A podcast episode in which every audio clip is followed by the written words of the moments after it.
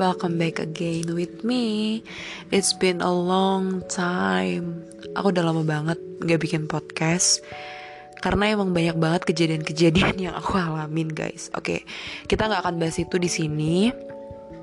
Kita bakal hmm, Aku bakal sharing ke kalian soal puisi yang udah lama banget aku bikin Tapi aku gak pernah berani untuk share puisi itu Karena aku takut dijudge uh, takut dikiranya tuh apa sih sosokan lu bikin puisi gitu kan tapi malam ini aku memberanikan diri untuk bikin podcast yang berisi puisi aku jadi nantinya Luka Lara dan Ria ini isinya bukan cuma ngobrol tapi ada puisi-puisi, ada mungkin motivasi juga buat kalian atau solusi-solusi juga. Oke. Okay?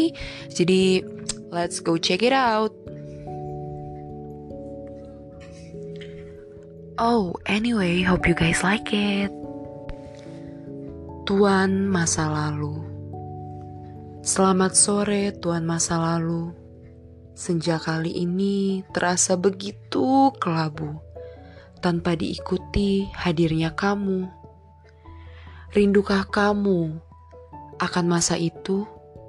Sangat kuingat bagaimana kamu mengatasi raguku bagaimana aku merasa memiliki harapan yang baru.